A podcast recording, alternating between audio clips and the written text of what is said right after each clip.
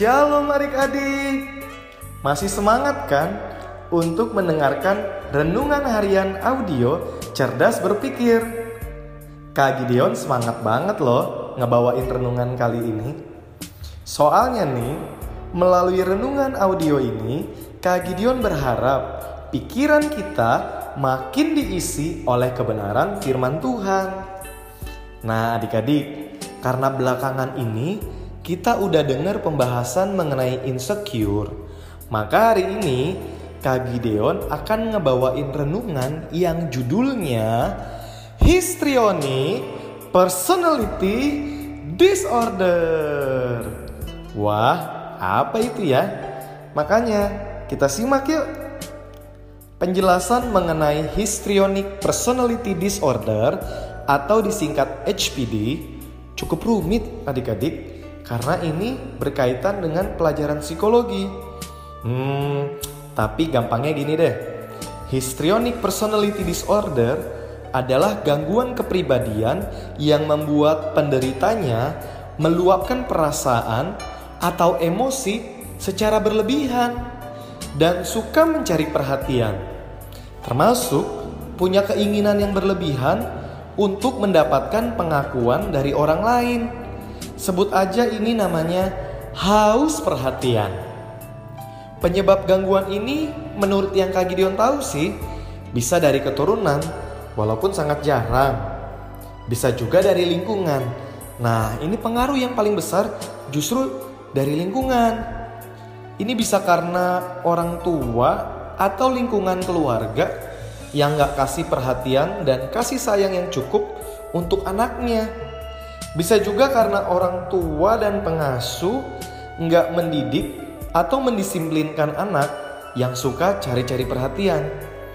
Hmm, bisa juga sih karena perilaku kita yang membiasakan diri dengan banyak mencari perhatian.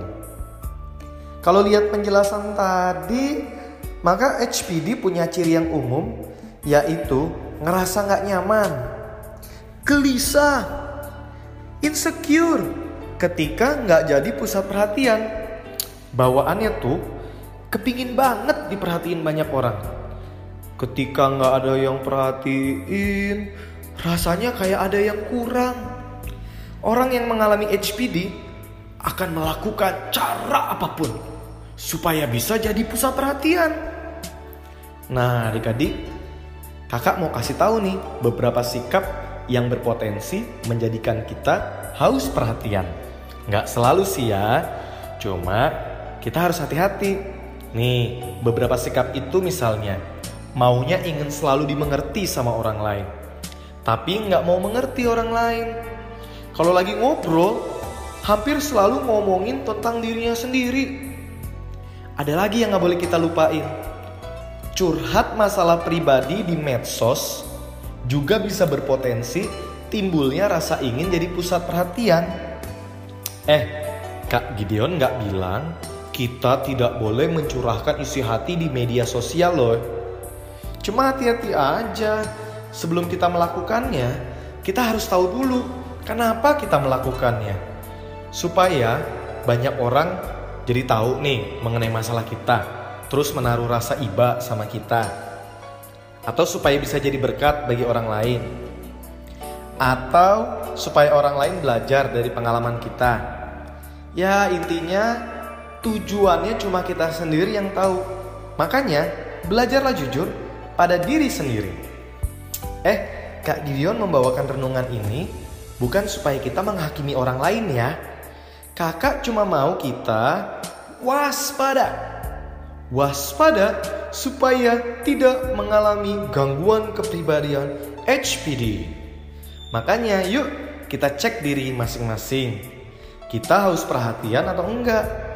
Cara ceknya ya dengan melihat ciri-ciri yang tadi yang sudah kakak sebutkan. Ada atau tidak pada diri kita. Kalau ternyata adik-adik menemukan bahwa adik-adik kepingin banget diperhatiin. Coba deh diperiksa. Apakah itu karena adik-adik kurang diperhatiin sama orang tua di rumah? Atau di lingkungan pertemanan selalu jadi anak bawang yang suka dipandang sebelah mata atau pas waktu pembagian kelompok di kelas nih, gak ada yang mau milih adik-adik. Nah, kalau adik-adik mengalami itu, Kak Gideon mau kasih tahu, kita gak perlu berusaha supaya jadi pusat perhatian. Adik-adik juga jangan sedih. Kita hanya perlu melakukan apa yang bisa kita lakukan sebaik-baiknya dan berusaha menjadi orang yang lebih baik. Jadi adik-adik tidak perlu membuktikan diri kepada orang-orang supaya adik-adik diperhatikan. Siapa tahu nih, ya hidup kita bisa menginspirasi orang lain. Jadi kerjakan aja apa yang bisa adik-adik lakukan dengan baik. Ibaratnya nih, Lilin nggak perlu berusaha menjadi pusat perhatian. Lilin hanya cukup menjadi terang, maka terangnya itu akan menyinari sekelilingnya. Kak Gideon jadi ingat perkataan Tuhan Yesus di dalam Matius 5 ayat 16. Bunyinya seperti ini.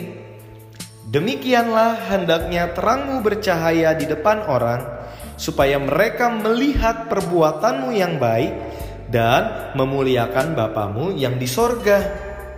Jadi adik-adik, yuk kita jadi terang. Mari kita berdoa. Tuhan Yesus terima kasih, Engkau sangat baik. Engkau mengingatkan kami untuk belajar menjadi terang. Hidup kami memperhatikan banyak orang.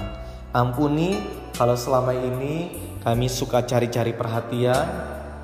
Tuhan, kami mau belajar tidak hanya memikirkan diri kami sendiri, tetapi juga memikirkan hidup orang lain. Terima kasih Tuhan Yesus, di dalam namamu kami sudah berdoa dan kami bersyukur.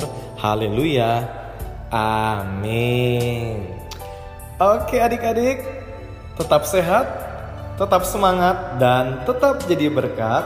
Kak Gideon undur diri. Tuhan Yesus memberkati. Bye-bye.